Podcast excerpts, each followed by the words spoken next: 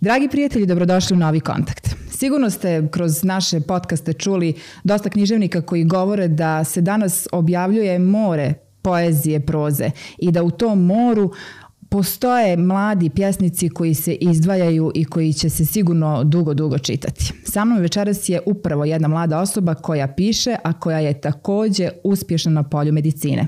Haris Plojević je sa nama večeras, a vi ostanite uz nas, gledajte novi kontakt i naravno ne zaboravite da nas zapratite, na, da zapratite naš YouTube kanal.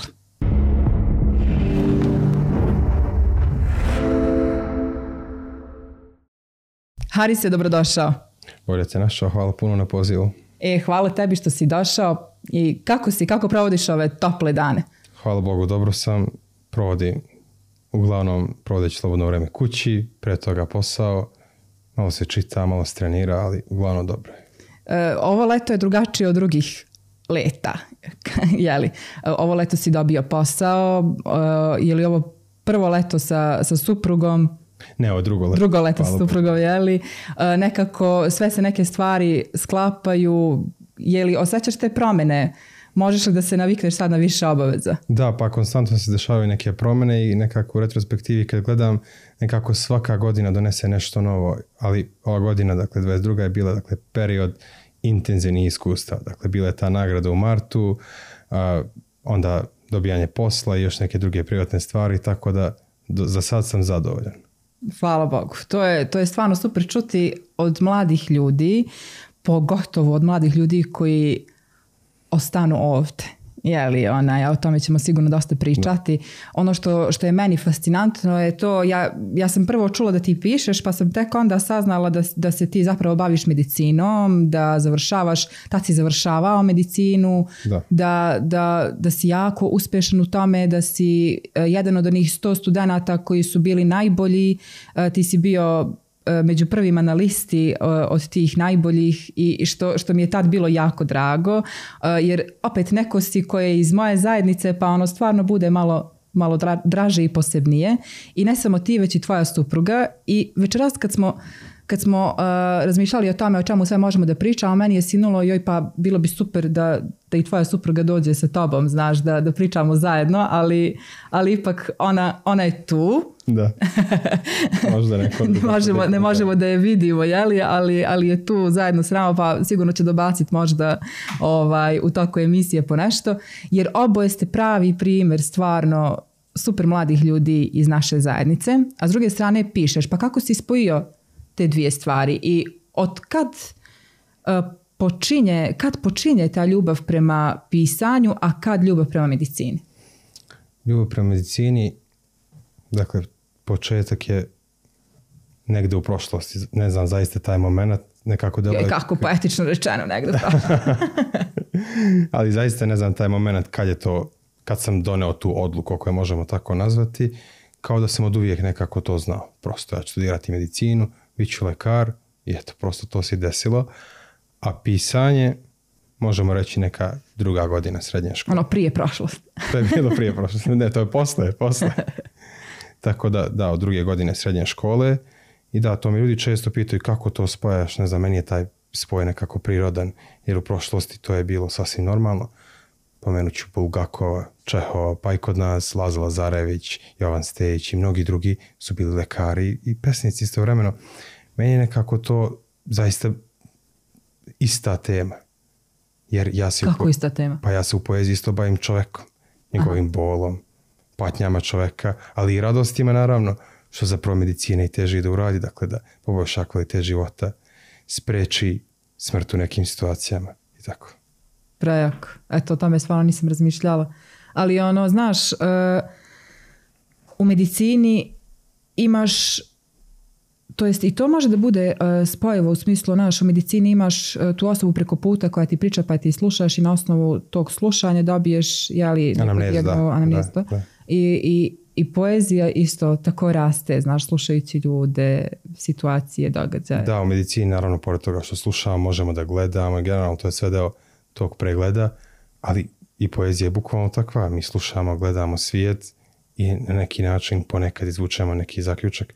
Pa da ćemo i primjer recimo dijagnoze, nekad nam nije jasno, nekad nam vid nije toliko oštar, prosto mora još vremena da prođe neke dodatne analize. Isto tako, nekad mora vrijeme da prođe da bi neka pesma došla. Meni se dešavalo recimo da osjećam neku pesmu godinu dana, ali prosto ne mogu da nađem riječ, nema šanse. I onda posle dođe. Tako da slušanje, dakle, da se obrati pažnja na moment, na ono što se dešava, to isto i poezija i medicini. Prejako, prejako, stvarno u pravu si skroz što tiče toga da, da jednostavno za sve treba trenutak. Ono, naš, e, to je, to je baš uh, Refik Ličina, naš književnik, govorio o, o tome u, u našem podcastu u smislu ono, to jednostavno ne može da ti bude posao, ono, znaš, sad ću da sednem od 8 do 3 i da pišem. Ali ima i toga. Pa, U ima, ali ono, znaš, opet nekad, nekad mora jednostavno da bude to u 6 sati, da dođe taj trenutak neki u 6 sati popodne, znaš. Da, u, u suštini to da kažem planirano pisanje može da bude samo u prozi, jer proza nekad može da bude i rudarski posao, prosto to mi je posao, recimo Stephen King, on prosto njemu je to posao, on od 8 do 4 ili 4 do 12 radi, piše i to je to. Dok poezija nikad ne može da bude takva, jer sama forma poezije, stilu poezije, ta iskra, kao neka vatra koja samo bukne i nestane. I to je to. I mi ne možemo da planiramo kad ćemo to da doživimo. Nekad se desi u skroz nekim čudnim situacijama. Znači, voziš biciklu i dođe ti pesma. Pa čak i kad pregledavaš pacijenta može da se desi da, da to dođe. Eto, neki pacijent sigurno može da bude malo inspirativniji. Pa naravno, naravno, mislim, medicina je ogromno polje inspiracije za poeziju. Posebno za poeziju koju ja pišem. Ali to je stvarno, stvarno interesantno. Mislim, spomenuo si sve te doktore književnike i, i nešto ranije stvarno nisam razmišljala o tome koliko to može da bude spojivo, a jeste. A, a s druge strane, onaj, e, koliko stvarno moraš da imaš svesniji pogled prema ljudima oko sebe i prema samom tom radu, da bi krenuo da pišeš i da bi, da bi sve to stavio na papir u nekom svom obliku. Ja sam čitala neke tvoje stvari i dosta, e, dosta imaš i analiza ljudi, situacija, sebe često, ono, znaš, pa e, ima, ima situacija, to jest tekstova koji govore dosta o egoizmu, o toj nekoj, u drugoj, s druge strane nekoj pokornosti, s treće strane nekom e, radu, četvrte o zajednici, znaš, mislim to, to je stvarno ono posmatranje sa puta sto svijesti. U svakom trenutku ono čovjek stvarno koliko je svestan svega oko sebe i ljudi oko sebe. Da, ovaj, ispričat ću interesantnu situaciju kad mene Halilović, odnosno kad smo se tek upoznali i kad sam mu pokazao neke svoje pesme, ja sam strepio šta će on da kaže, jer opet on je zaista autoritet i, i na Balkanu, ne samo ovdje kod nas i zaista smo srećni što ga imamo. On je meni rekao, ili ti možda voliš hirurgiju? Znao je da sam lekar ili nije znao neko polje interesovanja? Rekao, otkud to znate? Kaže, pa osjećam ta hiruški rez u, u, u, pesmama, bukvalno dok pišeš kao da se češ, tako da eto i to je, to je neka poveznica, a u vezi samog tog pristupa, pa medicini možemo prići na više načina iz više uglova. Pristup za koji se ja zalažem je, možemo ga nazvati holistički pristup. Dakle, mi posmatramo čoveka ne kao skup organa. Znači, ti si čovjek, imaš pluće, imaš srce, imaš jetru i ako sam lekar, ja liječim samo to. Ne. Znači, holistički pristup da apsolutno cijelo tijelo i okolina i međuljudski odnos, znači neki biopsihosocijalni princip. I o tome se danas zaista sve više i više priča. Konkretno, kanadski psihijatar Gabor Mate na neki način je i pokretač svega toga, gdje je zapravo on utvrdio različitim istraživanjima koliko zapravo okolina, međuljudski odnosi i grad utiče na pojavu bolesti. Prejako. I šta je, na primjer, hajde mogu sad da kažem najaktualnije kod nas, ali stvarno šta na, št, od čega se najviše ljudi, sa kojim problemom se najviše ljudi javljaju ovaj, doktoru? Pa zavisi, zavisi kom doktoru. Pa ne mislim, ono, ima li, da li je možda nekad urađena analiza, to me sad baš zanima, ono, znaš, pa Novi Pazar, ono, uh, od čega najviše onaj, boluju naši, naši ljudi? Je li to srce, je li to, znaš, sigurno se kroz to može odraditi analiza i, i, i da. Pa generalno, to generalno ovaj, srčane bolesti ili recimo diabetes, odnosno šećer su dan, i danas, ne samo kod nas, nego i u svetu najčešće bolesti naravno hipertenzija, povišen krvni pritisak, također mislimo na svaki drugi čovjek kod nas boluje od toga. Međutim, opet moram da se vratim na Gabora Matea gde ovaj, mi u medicini, taj termin znači povišen krvni pritisak, hipertenzija na engleskom hypertension, nazivamo nečim, uglavnom kažemo da je ona u 95% situacija idiopatska. Mi u medicini, To znači? u medicini kad ne znamo šta je uzrok, kažemo idiopatski, onda je to da kažemo akademski naziv za naše neznanje, ne za neznanje zapravo cijele svetske medicine, ne samo pojedinaca. I Gabor Mate se baš šalio sa tim, kaže ono hypertension, hypertension kao povišena tenzija, povišen stres. Da, to jesu ono što, što je opipljivo, dakle srčane bolesti, šećer, to ono što mi možemo da opipamo, vidimo u analizama. Međutim, ja mislim da u dobrom procentu stoji stres i to je zapravo odgovor na tvoje prethodno pitanje. Ja mislim da je stres danas uzrok najvećeg broja bolesti. Definitivno. Jer- A ono, uzrok stresa već tu, ono, znaš, imali bi sigurno da pričamo do sutra. Da, mislim 95% bolesti može stres da izazove. 5% da kažemo neke genetske bolesti koje su rođene koje nemaju veze sa stresom. Maltene ne postoji bolest na koju stres ne utiče.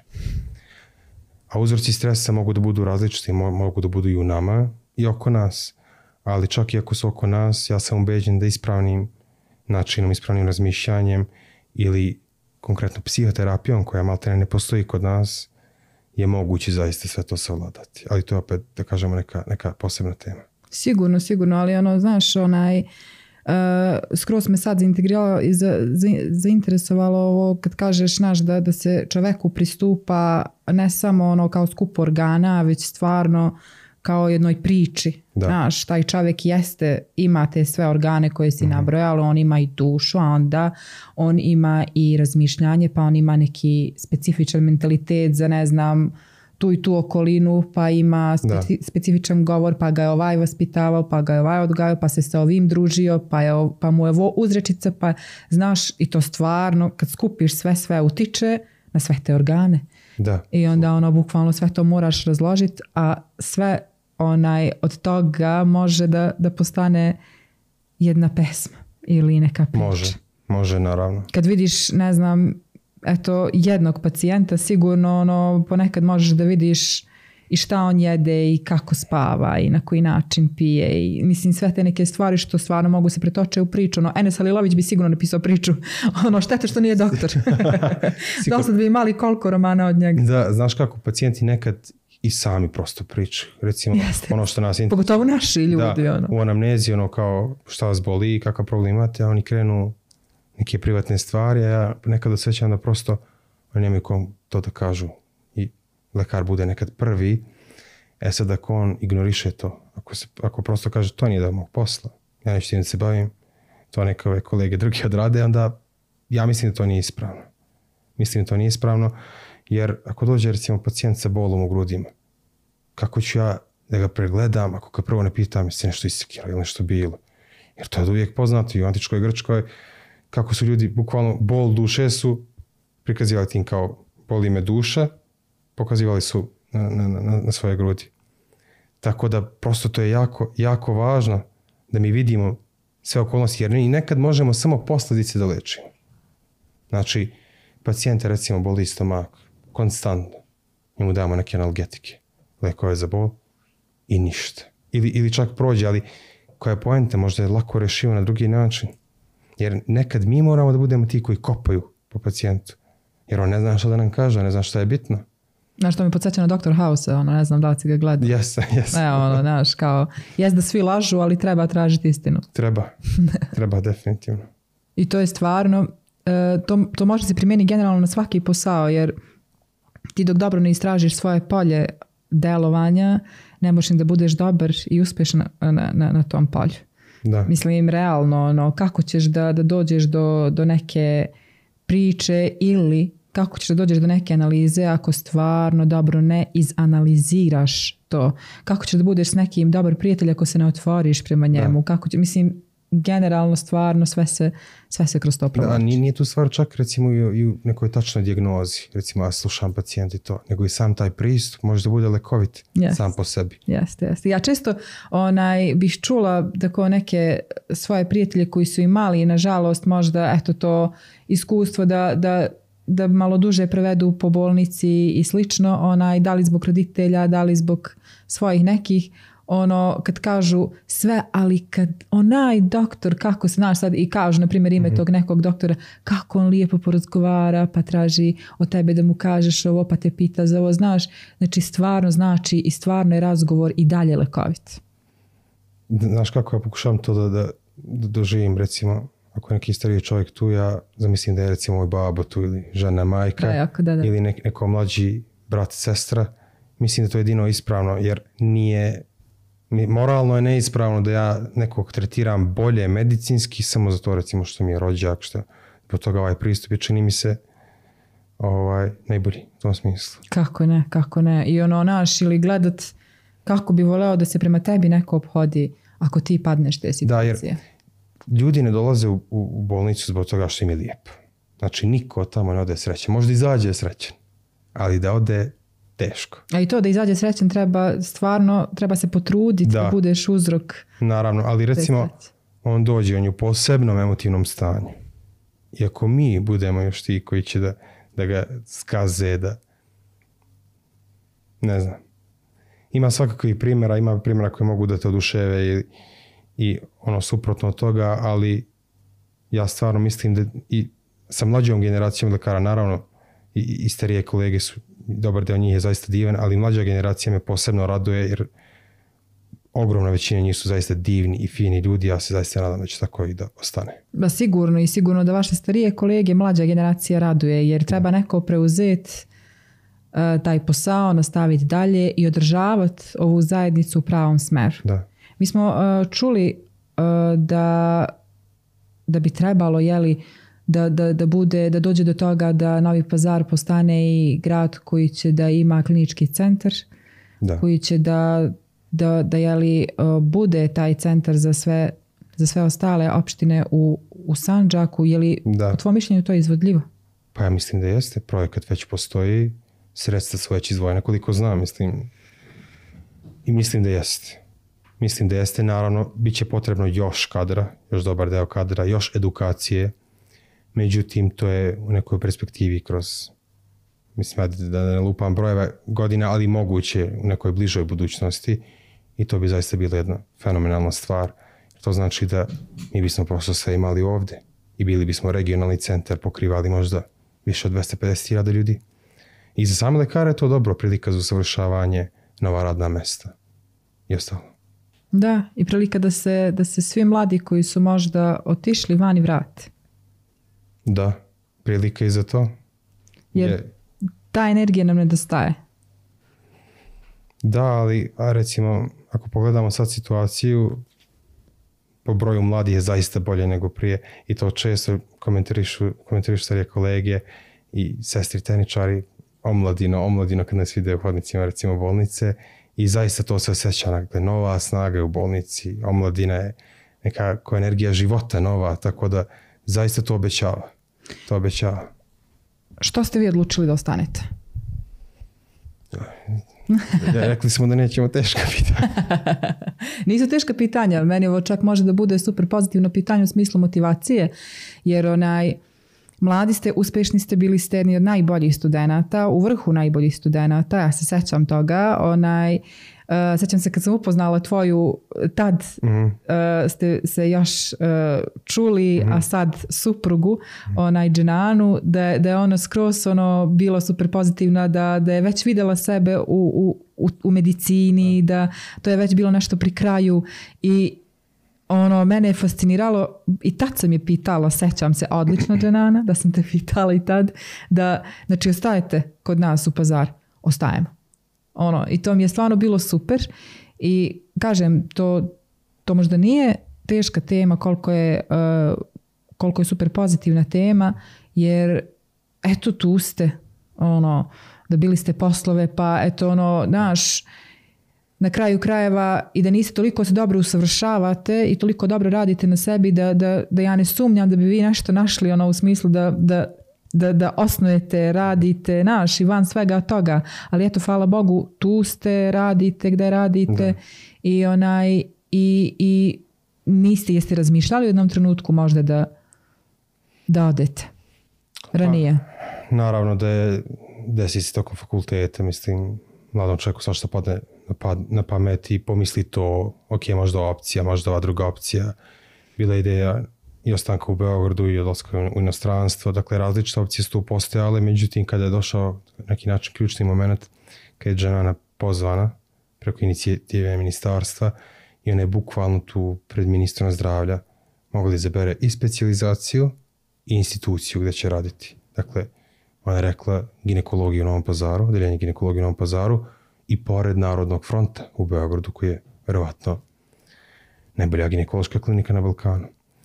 I mi smo pričali dugo o tome, iako Bog da ja ću u decembru kad bude ta dodala izabrati pazar, mi smo pričali puno o tome i upravo za taj holistički pristup koji smo prije pomenuli je jako, meni je jako bitan moment da sam tu u svoj narod, da liječim svoj narod, da pomažem svoj narod, jer ako idemo, ako imamo koje neke krugove, recimo, ako je neka uža porodica, a najmanji krug, pa ako vam šiluk, na kraju dođe grad opet, na nekom većem nivou grad mi je i, i porodica, znači to su moji ljudi i posebna je slast biti deo nekih i promena i da se neke stvari orade bolje, ali da se sama pomoć, da se pomogne narodu, to je dovoljno.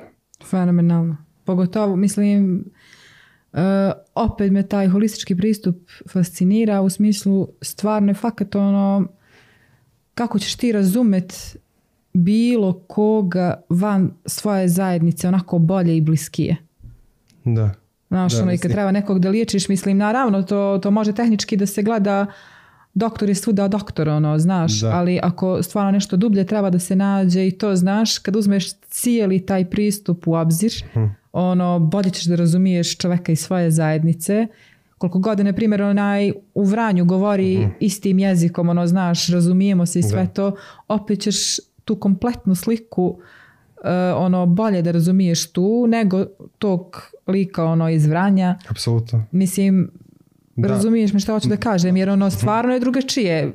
Ja, e, apropo toga, vratit ćemo se mislim na to, prije par mjeseci dolazi jedna ekipa koja je istraživala ovde ovaj, e, stanje ekstremizma, znaš, i sad onaj, mene pitaju za tako te neke stvari koje se tiču e, i vere i uopšte nacije i generalno ljudi koji žive ovde i sad ja im govorim stvarno, ja to ne osjećam. Znaš, ono, postoje, postoje neki grublji pristupi, neki onaj blaži pristupi, postoje, znaš, ali to, to je sve nekako u našoj prirodi.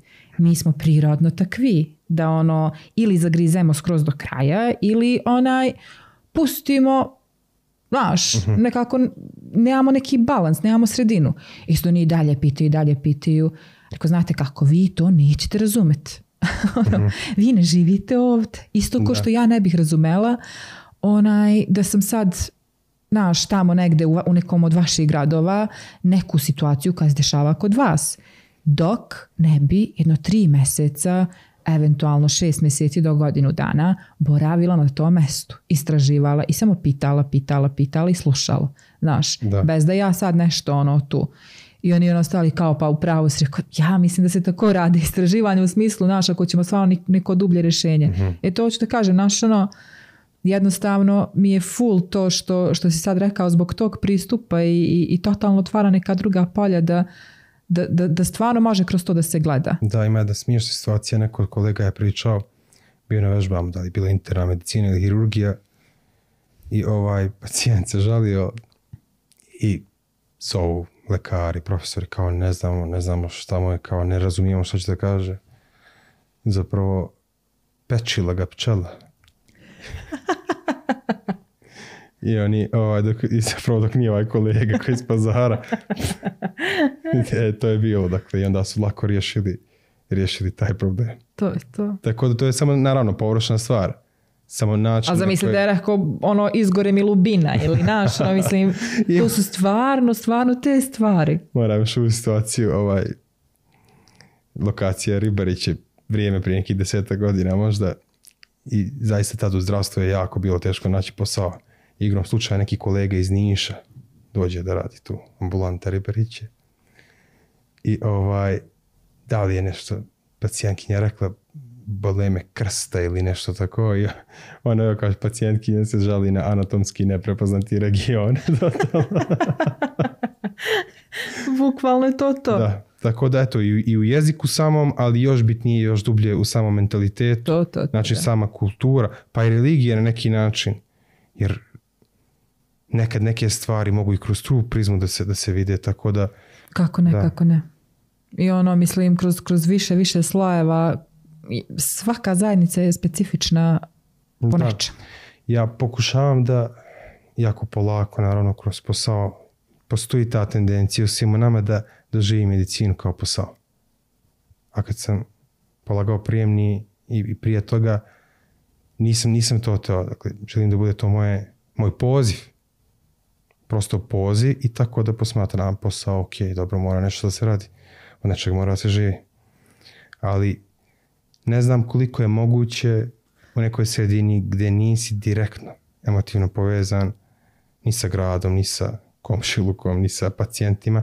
Naravno, postoji jedna doza empatije koju ti moraš da imaš prema svim pacijentima. Kad dođe Ko god da pacijent. su, Ko da. da su. Ko god da su. Ali opet nikad ne može da bude u nivou kao recimo kad je neko koga znaš. Znači, viđaš ga na ulici i on dođe. To je to. I super mi je ta formulacija poziv. Da. To bi generalno trebalo da se stavi ono, za sve profesije. Da su poziv i možda bi se stvarno drugačije obhodili prema... Da, ba, baš, Prema baš tim. sa Refikom smo pričali i on mi je dao, isto i on to rekao, kaže ti si čovječ u ratu zaštićen. Koji hoće da mi naglasi koliko je to bitno što ja radim. Prejako, stvarno jest. I, i, i nekako ono, još više osvežava kad, kad, kad čovjek ono radi na sebi da bukvalno to bude ono, da, da se osjeti pozvanim za to. Da, mislim, medicina generalno, ali posebno, možda sam sad dosta subjektivan, ali dobro imam pravo na to, hirurgije, hiruške grane mogu da se rade samo ako osjećaš prosto kao, kao da te neko zove. Jer ni u kom drugom slučaju, dakle, niti je nešto pretjerano isplativo, niti je gubiš vrijeme od porodice, od svega. Naravno, ja to još ne osjećam, ali vidim kolege starije koji specijalisti, kakvu žrtvu, kakvu žrtvu oni podnose. Dakle, to je moguće samo ako se voli. To i oni isto kažu. Dakle, samo ako voliš i ako ne možeš da zamisliš sebe da radiš ništa drugo, uzmi ovo. Ali to mi je stvarno prejako. Mislim, evo ja sad, kad ti to pričaš, ono, kontam si, ja u životu ne bi mogla uzeti skalpel i, i, i ono, iseći. Ja, ja sebe ne mogu, znaš, ono, znači, Pa dobro, sebe, sebe je teže, sebe je teže, opet sebe štedi. ni drugog, stvarno. Znači, to mi je ono, gledala sam ono kao ranije, mislim, volim stvarno te, Mhm. onaj, ali Dr. House, te, te, te serije i to, i ono kao kad vežbaju na, pomara, na kori od pomaranđa Mhm. i to, znaš, meni se čini, ono, žao mi tu koru od pomaranđa, ono, ono, iglom ako bih trebala ili... Ali ako znaš da će to da mu pomogne, onda opet nekako to lakše odradiš. Ako znaš da će to recimo da mu zastavi Sigurno, krvarenje. sigurno. Sigurno, sigurno. Prejako, ne, ne, ne. E, Studirao si u Beogradu, Da, bio si tamo koliko godina? Šest, jeli? šest.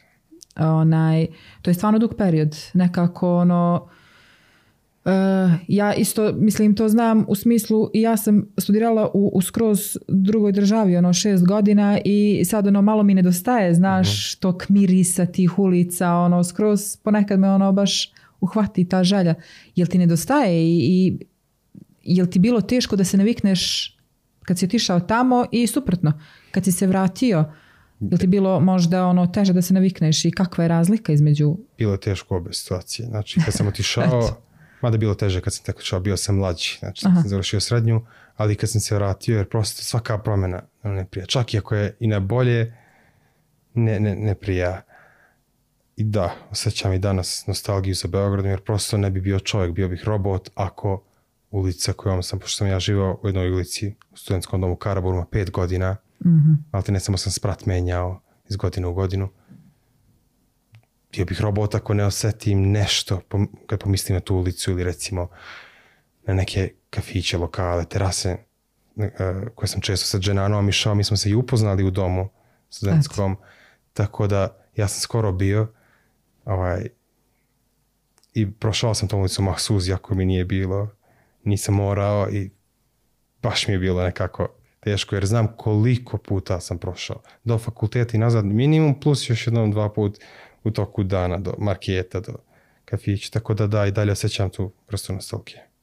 E, naravno, mislim, to, to jednostavno ovaj, ne možeš što kažeš ti bio bi robot. Pa, ako ne... postane, postane deo tebe, znaš, ono, zapamtiš prosto neki kafić lokalom, postane kao da je tvoj, ti tu ulaziš kod da si kući, neke klupe, neke parkove, neke ulice koje znaš na pamet, koje biš mu reći mogao da pređeš i evo recimo neki godinu dana, godinu i pol nisam u Beogradu, ali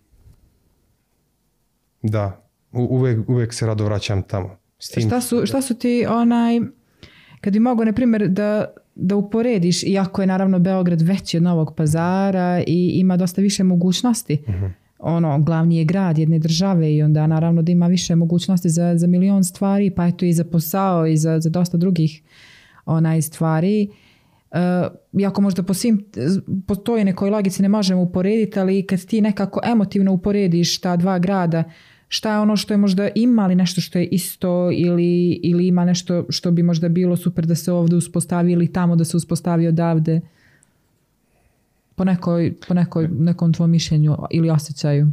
meni se čini jako to ponekad može da zvuči kao neki kliše beograđani kulturni, mi nismo i to, ali stvarno nekada kažem neki nivo kulture recimo na ulici, u saobraćaju, to je ono što bi recimo ja implementirao ovde, ali opet s druge strane ta neka toplina koja postoji u pazaru često nedostaje u Beogradu. Jer desilo bi se recimo da mi ostanemo recimo kad su praznici zbog nekih kolokvijuma u Beogradu, nema puno ljudi i nekako prosto deluje ti prazno. I mnogi ljudi doživljavaju, doživljavaju Beograd kao neki hladni grad i to. Ali opet ja sam uspio tamo prijatelje da steknem Dženano opet ne poznavam, ljudi će se ako opet ne pomenem. To, to, to. Imamo inače, ovaj, napravili smo uh, brojku koliko puta moramo da spomenemo Ja, ja, u takvoj emisiji. da sad je bilo pet puta, hajmo dalje. Da, tako da generalno postoje neke pozitivne strane u Beogradu, pozitivne strane u Beogradu i u Pazaru isto. Beograd je bio fenomenalno mesto za studiranje, ali ipak sam odlučio da živim u Pazaru. Postoji niz razloga, eto, to je opet neka druga priča, ali ne kajem se ni sekunde i sad da se vratim, opet bih isto. I pored toga, naravno, nije sve tako cvetno i bajno, sve je bilo odlično. Bilo je i neki neprijatnih situacija, nezasluženo, ali nekako, znaš, ono kad nešto prođe lijepo, na kraju završi se ti ono, prosto ne sećaš toga, ne želiš da se sećaš toga ružno, potisneš ga i danas kad se sećam nekih stvari iz Beograda, ja nešto samo lijepo pamtim. I ja pričam sa Čenanom, rekao, nam, Šesti put, ajde. ja, rekao mi isto ko da nismo tamo, a sekirali smo se i učili i stres i, i šta sve ne, ali opet sad deluje ko da je to bilo, medim, lijeko, sve, jer ostale su samo te neke lijepe stvari u sećanju. A kako ne, i ovaj, svesni ste sebe i svojih, e, svojih mogućnosti i, i tog rada koji, koji konstantno onaj, Da. na, mislim, stalno radite na sebi, onda, onda ste mnogo snažniji i otporniji na sve te neke možda i prijatne i manje prijatne stvari. Da, apsolutno. Meni je to ono recept za kako ti kažem, ono, znaš, e, skoro smo isto pričali o tome u smislu, znaš, mi ovdje u pazaru sve, sve nekako, ono, sve te neke naše osobine i možda promjene shvatamo olako jer ono, ok nam je, prihvatamo sve to, ono, normalno nam je, znaš, a kad odemo van pazara, možda nas neki ljudi čudno gledaju ili možda neki ljudi ocenjuju da smo, ne znam, e, malo više ovakvi ili malo više onakvi, a sve je to zbog tog nekog nepoznavanja. I sad hoće li to povrijediti ili neće, do tebe, ono, u smislu koliko si radio na sebi, da te ne povrijedi to tako nešto i koliko si svestan se- sebe i onoga što jeste ne... E sad naravno, mislim, vi ste kao deca otišli. Da, sad I onda, I onda je malo teško ako baš tad dođu ovaj, neke, neke neprijatnosti koje, koje nisu ok, a koje su zbog toga što ste možda drugačiji u nečemu. Znaš, to smo isto baš pričali ovaj, ovde. Sad mogu setim s kim, ali ono, znaš, kad na primjer detetu od 15-16 godina, znaš, ne može da objasniš šta je šovinizam. Jer dijete detetu od toliko godina je jednostavno sve, svi su mu jednaki, sve je lijepo, ne postoje neke razlike. Tek tamo, ono, blizu 30 može da postane svesno ti neki stvari, ali ono, naš, A tad kad se dese te neke stvari, onda stvarno ono nije naš ukusno. Da. Tako da to skroz razumijem. Ali opet kažem, vi ste stvarno snažni s te strane i Ali mislim, generalno, ja bih preporučio svakom, mislim da je fenomenalna stvar ako postoje mogućnosti da studira van Vani, svog, svog grada i naravno posle da se vrate i da unaprijede svoj grad. Ja sećam se, bio sam možda treća godina. Nekad- koliko mi je drago što ti pričaš o tome, uglavnom sam ono, naš, ja koja pričam o tome u smislu Znači- naš, da, ode, da, da mladi ljudi odu vani, da studiraju i onda da se vrate. Ja. Da koliko je to super što, Da. što možemo da čujemo. I mislim da sam bio na kraju treće godine i pričam sa jednim amidžom. Kaže on meni, to ti je fakultet za sebe. Taj život van svog rada u Beogradu. Kaže, to ti je isto kao fakultet. Definitivno. Kaže, ti završavaš dva fakulteta. I u tom trenutku sam ono, ok, dobro. Ali, ali sad zaista vidim da je, da je tako, jer prosto kroz te neke stvari čovjek raste. I koliko ti je lakši brak zbog toga? Pa sve generalno međuljudski odnosi, kad Da, da. naučiš ko si, šta si, ovaj, ali ono što je jako važno, možda i najveća međuljudski, lekcija iz međuljudskih odnosa koju sam ponio iz Beograda, onaj koji se ponaša onako kako se ponaša, neće mene da natera da se isto tako ponašam. Dakle, ja biram onako kako hoću da se ponašam. I prosto i sad to mogu, znači, u svim mogućim situacijama, jer ja sam, mislim prije svega Bog, ali ja sam vlasnik svog, svog tijela, svog ponašanja u, u tom nekom zemaljskom smislu i ja odlučujem hoću da dignem ovu čašu, hoću li izgovorim neku riječ. I to je meni zaista jedan kredo odgovornosti, znači, koji govori da prosto čovjek je 100% odgovoran za sebe i svoje akcije. Apsolutno, apsolutno, ono, bukvalno, mislim, jeste malo teško da, na primjer, u trenutku ako te neko povrijedi, znaš, da ti u tom trenutku, ono, znaš, izabereš možda najblaže riječi da mu se obratiš, to je sigurno teško u tom trenutku, ali, ono, čovjek stvarno treba se sati toga, e, ono, Jeste, ali taj trenutak je važan. jeste da izbrojiš do deset, jer ono, sabure u tim prvim momentima, to, to, ovaj, mislim u hadisu znamo da sabur u tim prvim momentima, ali ono što je važno, dženana, ja posebno dženana, je uvijek imala taj osjećaj, znači mi ne predstavljamo samo sebe, svoj grad i svoju regiju i svoje roditelje i porodicu, sve, dakle bilo gdje dodem. Znači to je deo i vaspitanja, prosto kad odemo kod nekog kući ne smijemo da se ponašamo, kući možemo nešto da radimo i opraštamo se kad odemo negde, prosto moramo da, da budemo za primjer. Za primjer. Čak i ako postoje neke predrasude da to srušimo i to je to. Kako ne, a predrasude se stvarno ruše ono, upoznavanjem i, i, i pričanjem Da. i otvorenošću. Da. Realno. Uh, joj, nešto sam htjela da te, e, nešto si bio kazao, e, pa sam htjela da se ne dovežem, ali eto, prošlo je, sigurno ću se setiti. Onaj, pa ne, nešto je bilo vezano baš za, za, za, za taj neki e, put, sad dok pričam pokušavam da se setim, ali ne ide. Ne veze, sigurno ću, sigurno ću ovaj, u nekom trenutku se setiti. Ova knjiga Okovi koju si donio, meni je žao što, e, št- što nemamo sad knjigu e, Tespih, Od septembra će biti. ali eto to sad saznajem da će biti od septembra meni se čini da sam vidjela, veruješ li na naslovnu stranu te knjige. Nije, sigurno nisi. Tek, Znači, tek a- treba da se dizajnira. Hoće ti ispričam kako izgleda. možda, možda ti bude. Ovaj, ova knjiga je nastala kad? 2014. ja sam bio četvrta godina gimnazije, maturant, da. I kako, kako si krenuo da... Ja sam imao neke pesme za koje svoje svesci. Ovaj, pisao sam to neke druge godine srednje škole i kaže mi prijatelj, što ti to ne bi objavio? Rekao, pravo si. I ovaj, u tom trenutku, pošto naravno nisam imao svoje sredstava, ja pričam s roditeljima, rekao, da li biste i mene podržali, i mene podržali? Bismo. To prosto tako. Posle tu sa nekim pisima oko promocije bilo zamolio da oni to pročitaju, bila je neka promocija. Tako. A zašto okovi? Pa, pa ima više razloga, mislim, morao bi nekog sebe iz 2014. godine da pitam, ali ima to veze malo i s ono, kad si u gimnaziji buntonci, malo smetati svašta, ali generalno ti okovi uvijek, uvijek postoje i u društvu i u nama samima, mislim, mi smo o tim okovima pričali i cijelo ovo vrijeme, a da i nismo ni, izgovorili zapravo.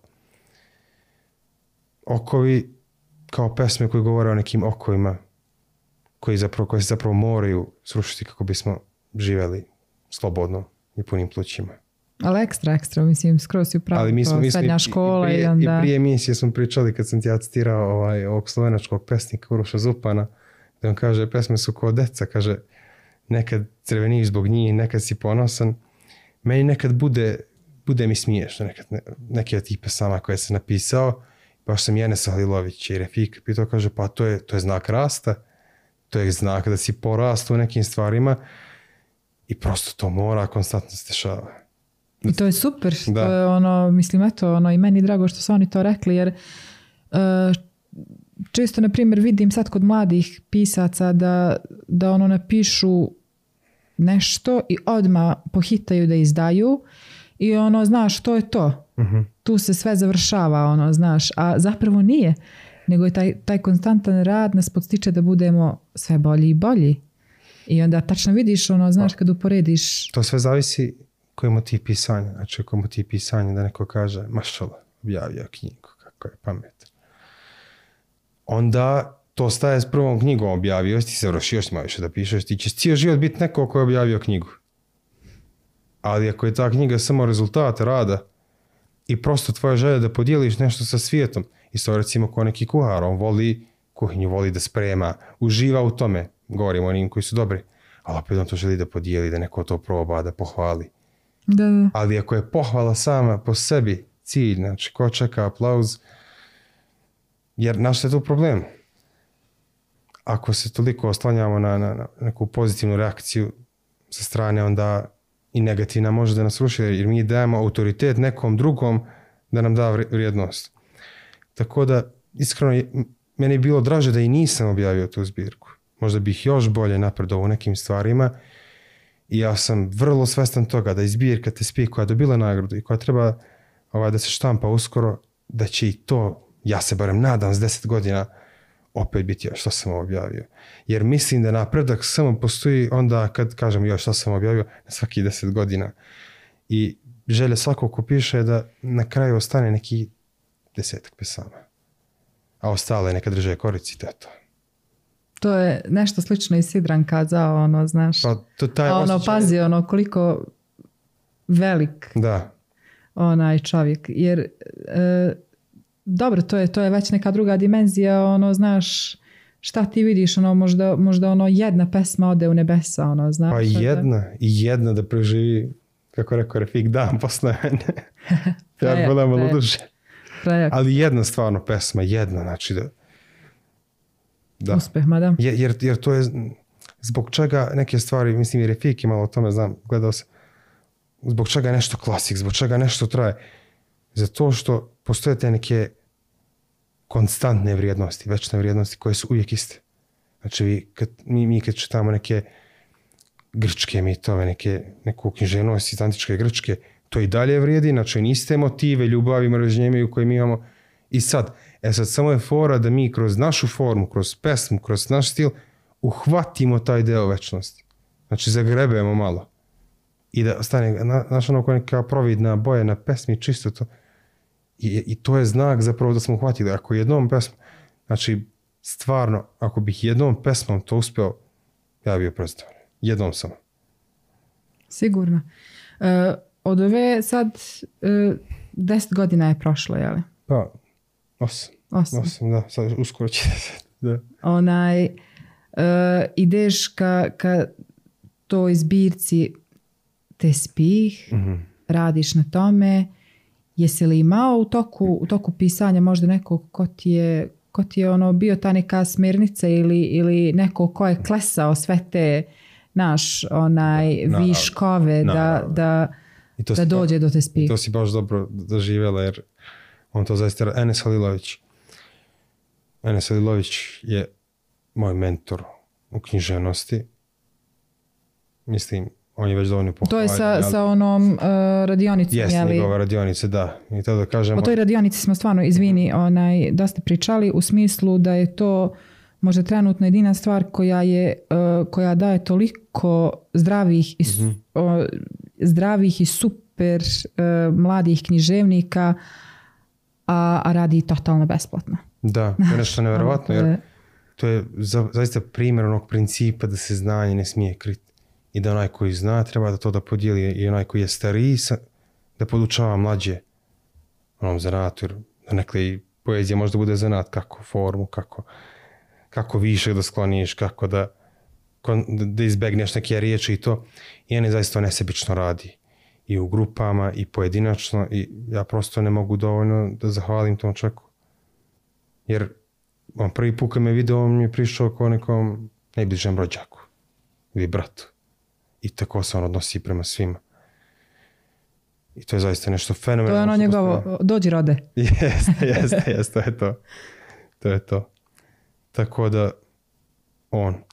Jer on prosto čita to što mi pišemo, on daje savete, on predlaže literaturu.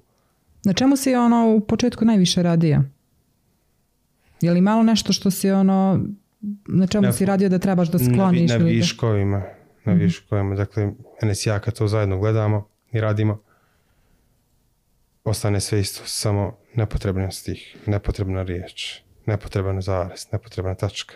Jer nekad zarez može kontekst totalno da promijeni, no, i stvarno ponekad, Enes, kako, kako ovo uradi, meni izađe, ne mogu da verujem da, da sam ja te riječi napisao, ali prosto samo, kako on kaže, mi samo onako malo kroz grmlje ovako rukama radimo, kaže, jer to je tu. Ili ono sa kristala samo da skinemo nešto, ovaj, ali kaže to postoji tu, to je izašlo iz tebe, kaže samo malo, ovaj, i Enes naravno nikad neće da uzme neke zasluge, kaže ne, to si ti uradio, iako naravno pomogne nekim stvarima. Ali koliko mi je to pre, ako znaš radići na, na tome da skloniš viškove, zapravo isto kao da učiš da, da skloniš viškove u, u govoru. Znaš, mi smo baš Tarik i ja skoro pričali ono, e, koliko, na primjer, ja kod sebe prepoznam kad nešto hoću da objasnim ili kad o nečemu hoću da pričam, sve rađe, e, sve, sve manje, hvala Bogu, danas uh, imam to, ali ranije sam mnogo više, znaš, no kad hoću nešto da pričam ili da objasnim, ja toliko nekih riječi kaže umjesto totalno jednostavno da ono kažem ili šta mi smeta ili, ili šta mi odgovara, znaš, ili o čemu to pričam, znaš. Mm. I onda ono, to vidiš da je problem, generalno problem u našoj zajednici, znaš, ili ono, naš, neko te nazove telefonom i ono priča, priča, priča o nekim skroz drugačijim da. i drugim stvarima, a ne o suštini zbog čega te je nazvao, znaš. Da. I ti onda vidiš koliko tu viškova ima, jer ovo je, ovo je to vrijeme koje imamo. Uh-huh. Ono, to je to na ovoj zemlji. Uh-huh. Mislim, Bog znaš koliko nam je ostalo ponekad nismo, nismo možda sami sebi jasni, pa ono prosto to je to. možemo ali recimo konkretno za, za poeziju, ja držim te kratke forme i prije Enesa, posebno kad sam upoznao Enesa, insistiram na toj kratkoj formi, jer ubeđenja sam da ako želim nekom većom formom se bavim mogu priča, roman, mislim da je to forma za da se čovjek raspiše. Da, ono, Dobro, ja, ja volim i dužu poeziju, ali znaš, kad je, kad je jasna, znaš... Ali on, on, on može da bude duga, a opet kratka u, u, nekom smislu, opet jasne rečenice. Znači, to, to. poruka se dostavlja, recimo, kaže u poeziji više je, odnosno manje je više. Jer kad imamo manje, uh-huh. manje kažemo, ima više značenja, može uh-huh. na različite načine da se tumači. Fenomenalno, sigurno, sigurno. Mislim to stvarno, ta tehnika stvarno može se primeni i kod ljudi koji možda neće sutra da se bave uh-huh. pisanjem, ono stvar, jer stvarno trebamo da naučimo da pričamo. Da. Naš, ono, da, da, da jednostavno ne idemo ono predugo, predugačko, nego da, da smo konkretni. Isto da. ponekad čini mi se naš onaj kad, kad, kad pitaš nekog na ulici nešto i to isto kod da, ko da ga istrada odmah kaže konkretno neku mhm. stvar ili neku boljku ili nešto, znaš, nego okoliše, okoliše, okoliše, pa dok kaže, znaš, ono, samo si od tih pola sata imao tu jednu značajnu minutu. Imam mišljenje o tome, mislim, opet dosta subjektivno, nažalost, kroz istoriju, ovaj narod Sanđak ovdje, nije mu dato puno prostora da odlučuje samo sebi. Neke pozicije, značaja, ljudi ovdje nisu imali i čini mi se da nam je nekako to ušlo u krv da na taj način bežimo od neke odgovornosti, jer zapravo ako ja kažem šta hoću i kad hoću, znači ako sam jasan, to je neka vrsta odgovornosti prema sebi i prema svijetu. Tako da mislim da, da to možda, to jeste zapravo deo našeg mentaliteta po mom mišljenju, ali na tome može da se radi.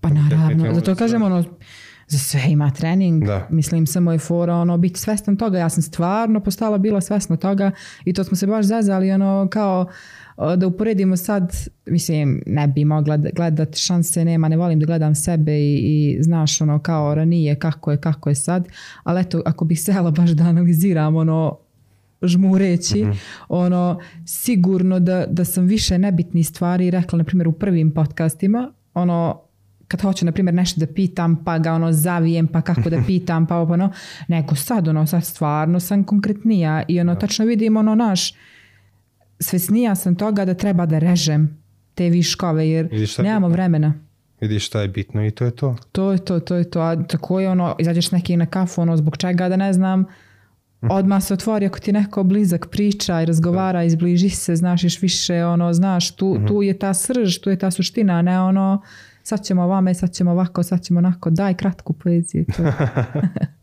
I super, super mi je stvarno stvar koju radi Ene sa mladim mladim pesnicima, mladim piscima. Da. Uh, ja sam uh, u toj grupi, ali još uvijek nisam krenula na časove, evo godinu dana, možda, možda manje od godinu dana, ali ovaj, uh, voljela bi stvarno da krenem, da, da, da odvojim vrijeme i da krenem ka tame, jer, jer stvarno mislim da je svaki čovjek koji je tu vrijedan, a posebno taj rad u zajednici. Da, zaista svi ljudi su divni. Nisam se upoznao, ali onaj koji ja sam stvarno divni, mladi ljudi, redni. Jeste, jeste. Sad ide se, uh, ti si već to sabrao u, u, u tu neku zbirku koju si poslao stavu, jeli? Da, to je bilo još krajem februara, dakle pre, pre samog konkursa. A stav uh, ina, inače ima tu godišnju nagradu za mlade uh, pisce, uh, a nagrada je objavljivanje knjige. Da, štampanje u, u hiljadu primjeraka. I kako je, kakva je bila reakcija kad si dobio tu nagradu? Um, Ja sam još negdje pomenuo, mi smo bili u Turskoj, Džanana i ja, opet sedmi put, jel? ovaj, mene, mene to zaista za- zateklo. Jer nisam to očekivao, ja sam to nešto pred put, onako, sasvim slučajno poslao. Profesor Zahnije Bulić mi je kao, e vidi ovaj konkurs, poslao mi je to i ja, eto. I nisam sređivao to uopšte, dakle imao sam te pesme u Wordu, lakše mi je tu, mogu da ih sređujem, menjam i to. I samo ono što je bilo, tu sam poslao. Kad odjednom ja vidim vest, meni niko nije javio, odjednom vest. Haris Plović ne, ne mladi pis, veruj mi, znači prvih par sekundi nisam, nisam znao da li je to stvarnost. Mislim, ne, nisam dobio Nobelovu nagradu, ali za mene je to zaista bilo veliko. Još tako iznenadano, scrollujući Facebook vidim to. Tako da, a, od tog momenta do sad zbirka se jeste promenila malo, neke pesme su izbačene, neke su dodate, naravno u dogovoru sa njima, ja sam njih pitao da li je to moguće, oni su rekli da, neke su izmenjene, tako da ta, dakle, prva verzija zbirke je dobila nagradu, a ja verujem da će ova druga biti još barem za jedno 20-30% bolja. Ekstra. Koja je, e, koja tebi možda je jedna od dražih tu? Imaš li neku tako ovaj, pesama prije nego što, što vidimo u Koričanu knjigu? Jel možemo da znamo ili makar naziv?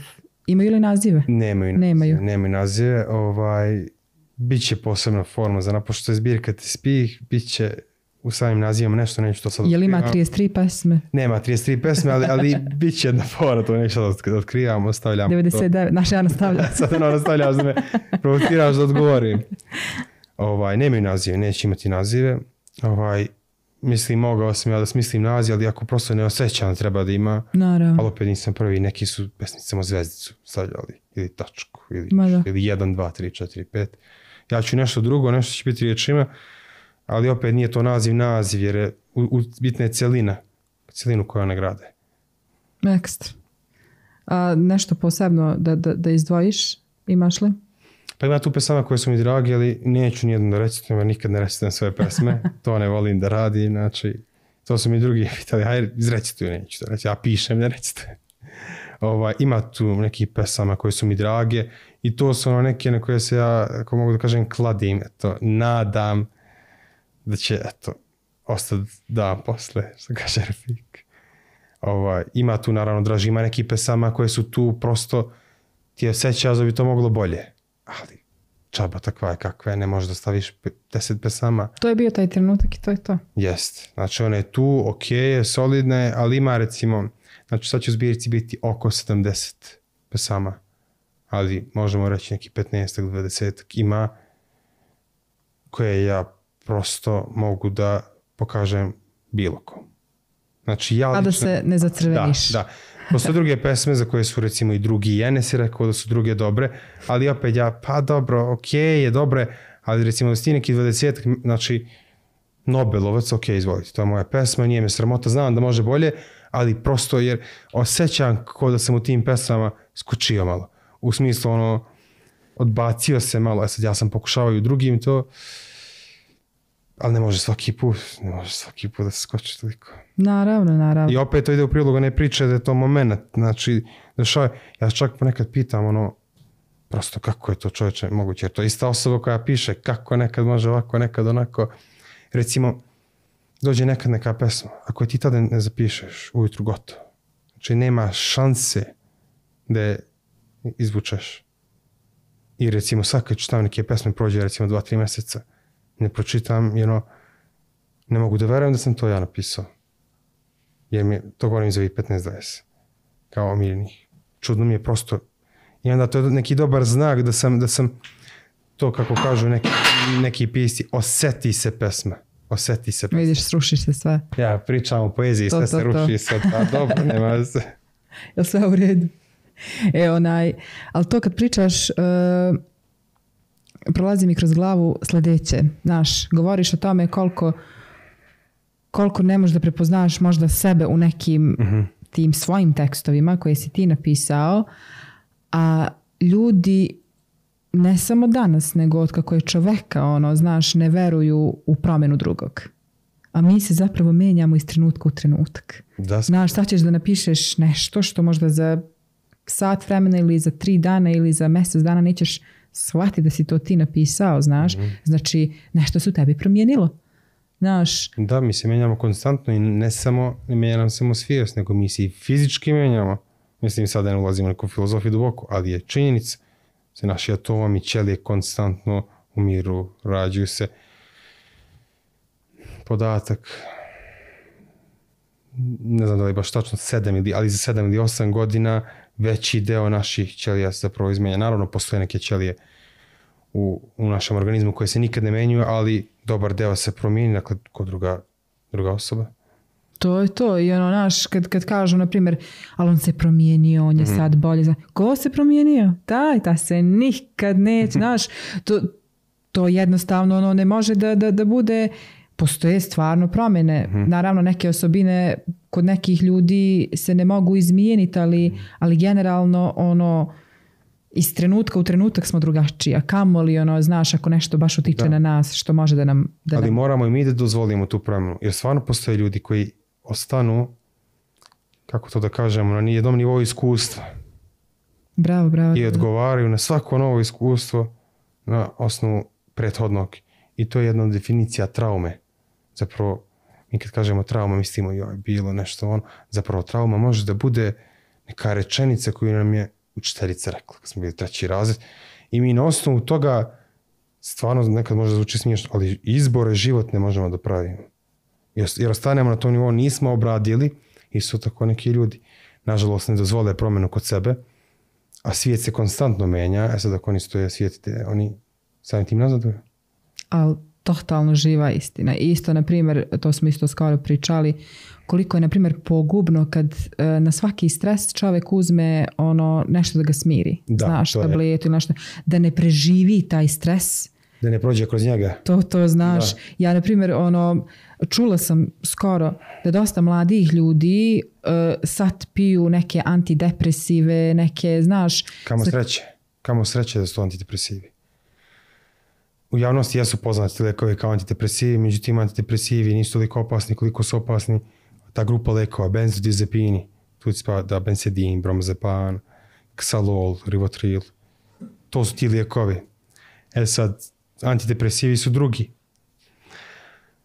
Kao opet kažem, kamo sreće da ljudi to uzimaju, jer neki nezvanični podatak da ogroman broj mladih zl- zloupotrebljava benzodiazepine koji uzgled budi rečeno stvaraju zavisnost već posle dvije nedelje korišćenja. To je to.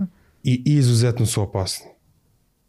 Ali kako nisu, mislim, volela bih stvarno da, da nastaje, eto, znači, uopšte se nismo dogovarali da pričamo o ovome, ali znaš, ono, sedim, pijem kafu sa, sa više Ali treba da pričamo o ovome. Treba jer Slažem se, ali ono ne, nego nismo Da, se, da, da. ovaj, pijemo kafu i kao jednu boli glava i ova druga će ono samo random, e, ovaj, umorila si se kao danas, imam jedan bensedin, slobodno možeš naš, to ništa Bog ti samo jedan, ono, to, to postoji šala kao ono BB kompleks, kažu ono brufen, becedin. Bukvalno to kažu, recimo ljudi kaže ja dođem s posla, ono, to sam iskreno u Beogradu čuo. Dođem s posla, kaže uzmem taj BB kompleks, tako su ga kao beba definisali. Problemi u tim lakim rješenjima. Znači mi nećemo da dozvolimo sebi da odmorimo da bi nas prošao bol ili prosto da ceo ta, ce, svu tu bol iskustva koje nas menja doživimo, nego hoću lako rješenje. Naravno, bez ikakvog osuđivanja. Naravno, Dešava se to ljudima. Nije to samo kod nas. Lekovi, znači antidepresivi, benzodiazepini i drugi lekovi psihijatri su najprodovaniji lijekovi na svijetu. Znači u Americi svaki treći četvrti Amerikanac je na nekim od tih lekova. A kod njih moraš da imaš recept. Kod nas je problem što možeš i bez recepta neke stvari da uzmeš. Ogroman problem. Jer ne možeš ti sam sebi da propišeš terapiju. Jer to je igra, i š- igra da, da prosto neko uzme ljudi zaista nisu svesni koliko su ti lekovi opasni kada se onako, eto, ovlaš uzimaju. Hajde, bogoti, nešto sam si sekirao, hajde da popijem to, ili ne mogu da spavam. To, to opravdano jedino kratkotrajno. Znači, maksimalno 14 dana van toga kogod osjeća potrebu da konstantno uzima te lekove. Treba da se javi ljudima koji su obučeni da to tretiraju. Jer zbog toga sam ti rekao antidepresivi kamo sreće kamo sreće da to uzimaju, jer to su lekovi koji su mnogo bezbedniji od ovih benzodiazepina i mogu mnogo više da pomognu, samo njima treba vreme da deluju. A to naravno mogu da propišu ljudi koji se bave tim, recimo psihijatri u ovom slučaju. Ja naravno, ako mogu da pozovem ljude koji imaju taj problem, da se prosto obrate nekom, jer ne, ne, ne mogu sami sebi da pomogu na taj način. To je samo znači odlaganje. Da. Sigurno, sigurno. Ja, mi smo da baš pričali sa, sa Idom Tule kad je bilo ovdje ono, u smislu koliko je važno uh, te emocije, na primjer, razočarenja ili, na primjer, te neke boli od, znaš, ti neke stvari koje su nekad stvarno mogu da budu ono, ne znam, na poslu nekog nerviranja ili slično, koliko ljudi zapravo to ne smeju da zanemare u smislu, a zanemarivanje je kad ti uzmeš nešto, ono, znaš da te prođe i to je to, nego treba stvarno da to prođe kroz tebe, da ti to shvatiš, prežvaćeš i samim tim kad ti sve to odradiš, onaj, ti postaješ jači za te buduće bolove, jer neminovno je da ćeš opet da se iznerviraš na poslu. I neminovno je da ćeš da se isekiraš zbog ispita. I neminovno je da ćeš sekiraš ako raskineš ili ako, ne znam, polomi neko tvoj blizak nogu ili, znaš, mislim, sad svašta nešto mi ono, naš prolazi kroz glavu, ali to, to, ovo je život i ono, uvijek imamo neke neke ispite i testove koji su nekad ono svakodnevni u, u, u toku jednog mjeseca, nekad ono na svaki drugi, peti, deseti dan. Nešto se desi što te iznervira, pomeri s mesta, ali znaš, Ali nije rešenje progurat to ono kroz, sa, sa, sa oni, nečim. oni postoje s razlogom, dakle sigurno postoje neke situacije u kojima oni mogu da se koriste. Naravno, naravno. Ali- ne bi postojali da ne A postoje. kad to postane navika. Jer to je zapravo štak kad mi ne možemo da hodamo i koristimo to. Znači, primjer samo za, za, za to znači, poređenje. Ali što bismo onda zamenili zdravu nogu štakom? Zašto bismo? A to ljudi rade. To ljudi rade i, i to je posle veliki problem jer taj prag tolerancije prema neprijatnoj situaciji se smanjuje, smanjuje, smanjuje. Na kraju ljudi za neku najobičniju glupost uzimite tablete. Najobičnija glupost, padne mu nešto iz ruku, on, hajde popijem ja svaki slučaj. Ma, Tako da, to je zaista problem kod nas. Mislim, nemam nikakve podatke, ali nezvanično čujem da kod mladih je velika, velika zloupotreba. I o tome stvarno treba malo više Da, pričati. definitivno. A s druge strane, drago mi je što se mladi ljudi sve više javljaju stručnim licima, Da, onaj, da, da ne postoji više, da to nije tabu tema, ono, znaš, kao ono, da krijemo ako Da neko sramota, naš... da je e, sramota ako smo loši. mislim, stvarno nije sramota i nije, priz, nije sramota priznati da, da ti treba podrška i da, da ti treba dobar psihoterapeut s kojim stvarno možeš da razložiš te situacije. Nadam se da ćemo doći do toga. Ljudi su, mislim, kod nas, ljudi je bilo sramota da kažu da, da, da su bolesni, da imaju koronu, znaš, ono, prosto dovodili drugi u opasnost, jer prosto neće, neće to da kažu. Nešto što cijel svijet u ovom trenutku ima, eto njega sramota. I na tome treba da se radi. Nije, nije ta osoba konkretno kriva za to. Neki to je već ono, žrtva, stvar mentaliteta ne, u smislu, znaš, pa posle čitav život da ti pričaju, ova ima de koronu prva u yes. komšiluk, znaš, ono, to je nekako stvar. Da, ali to se normalizuje. Znači, generalno, ja se nadam da će, ne znam da li u pozaru imamo psihoterapeuta. Uh, mislim da imamo neko udruženje Aha, uh, psihologa koji su izrodili uh, to, je, to, bi to, to udruženje je izrodilo nekoliko psihoterapeuta. Da, to je dobro. Čak moja prijateljica, dobra prijateljica je otvorila neki svoj prostor uh-huh. U kojem radi sa mladim ljudima. To je super. Onaj, i, ona, I ona je isto psihoterapeut. Uh, Sabina Hajrović, ne znam da li ste, uh-huh. da li ste oboje čuli ovaj, uh, za nju. Tako da dosta, dosta sad se ta svijest mijenja. Da, to, to me rade. To me rade. Treba da se priča o tome. To je sasvim normalna stvar. Sigurno, sigurno. Eto, ne znam kako smo došli do ovoga, veruješ. Ovaj, na temu. Ali, ali super, super, super je pričati o svim ovim stvarima, jer generalno se u medijima ne priča. Uh, sad idemo ka septembru, jeli u septembru će da bude Pa ja se nadam tak, tako ljudi stava kažu. Mislim definitivno mora biti pre novembra, jer u novembru će biti ta dodela. Aha, da. u novembru je tek dodela. Da, da, da, u novembru je dodela. Mislim, mm. Nisam siguran, mislim da će biti u vječnici. Nisam A, siguran. prelijepo. Tako da, ovaj, Eto, rado, pa možemo li da budemo glavni medijski pokravitelji? Naravno. Ekskluzivno. Ovako nezvanično. Može, može. Ovaj, tako da eto, radujem se tome. I još nekim drugim stvarima u novembru ako Bog da. Tako da eto, mi smo na početku rekli ova godina nekako ali hvala Bogu mogu da kažem sva, nekako ja svaku godinu pomislim ono krajem decembra ova je bilo vrh kao da li će ova prethodna ali stvarno poslednjih godina hvala Bogu sve bolje i bolje hvala Bogu mislim to, to je naš stvarno samo uh, proizvod rada da. na svim onim stvarima koje, koje su ti date a svima je nama dato da budemo uspešni u nečemu da realno ono niko sigurno mislim bar je to neko moje mišljenje znaš mislim sigurno nisi ti došao do medicine ili do fakulteta, ono, znaš, imajući sve. Sigurno si morao da žrtvuješ dosta toga i tvoji roditelji su sigurno mhm. morali da žrtvuju dosta toga i ti si morao da žrtvuješ slobodno vrijeme da. i svoj grad i da odeš odatle i da možda znaš u jednom trenutku ono kažeš ok neću ovo da kupim da bih imao to, znaš. Da, definitivno. Sve su neke stvari, ali onaj E, to govorim isto iz ličnog iskustva, ali sigurno iz iskustva mnogih mladih ljudi koji danas žele stvarno da rade na sebi i da, da ostvare te neke super stvari, a definitivno ono dobijanje te nagrade u Vječnici u Sarajevu, onda izdavanje knjige od strane stava je stvarno velika stvar i ja ti iskreno od srca čestitam.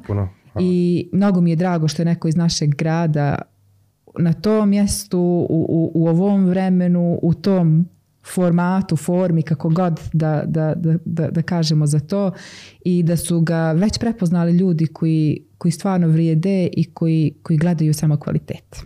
Hvala ti puno tome, mislim meni je to i zbog sebe samog važno, ali i zbog grada recimo uh, u junu je bila dodali su neki festival Zaton u Bijelom polju i bilo je ovako jedan veliki kao transparent sa imenima i u zagradi grad iz kojeg dolaze. Ja sam bio iz pazara, ja baš kažem ženanje koliko mi je milo što piše Novi pazar tu, tako da na neki način želja mi je to, na neki, ide pazar predstavim Kako ne? u tom svetlu. Kako ne? I, I da se potvrdi to što se priča i što mnogi pričaju da definitivno sa ovih prostora izlaze najbolje pesme, najbolji govornici i da, da se nekako ovdje najviše ima inspiracije za to. Pa eto, nadam se, mislim, ono što ja mogu da, ne mogu da garantujem, da ću, niti da ću biti neki veliki pesnik, niti nešto slično, ali ono što garantujem da ću se ako Bog da uvijek trudi, da radim trudom pošteno odradim ono što mogu, što je do mene, a naš je trud da uspe dolazi od Boga. To je tako bilo i uvijek će biti. Sigurno. Uh, samo mi kaže još, hoće li promocija biti prvo u Pazaru ili u Sarajevu? Iskreno nisam siguran. Nisam siguran, ne znam da li su oni planirali organizatori u okviru dakle dodale nagrade da bude i promocija, ako ne, definitivno, ako bude do mene, prvo će biti u pazaru, dakle ako bude do mene. Već u decembru, ako Bog da nadam se početkom decembra, ako se bude išlo po planu. Odlično. Ništa, Harise, uh, ti si budući hirurg Ako Bog da. koji će da, da nas seče riječima i meni je drago što si izdvojio vrijeme i došao i bio dio kontakta, to jest postao dio kontakta, što smo saznali puno stvari o tebi koje će nam sigurno značiti u budućnosti, jer ćemo ti čitati u budućnosti. Hvala ti puno na pozivu, hvala ti na tim riječima i hvala ti na prilici da kažem neke stvari koje mislim da su važne. Hvala tebi. Dragi prijatelji, a hvala i vama. Hvala što ste pratili još jedan kontakt. Ostanite u dobru i vidimo se u sljedećoj emisiji. Pozdrav!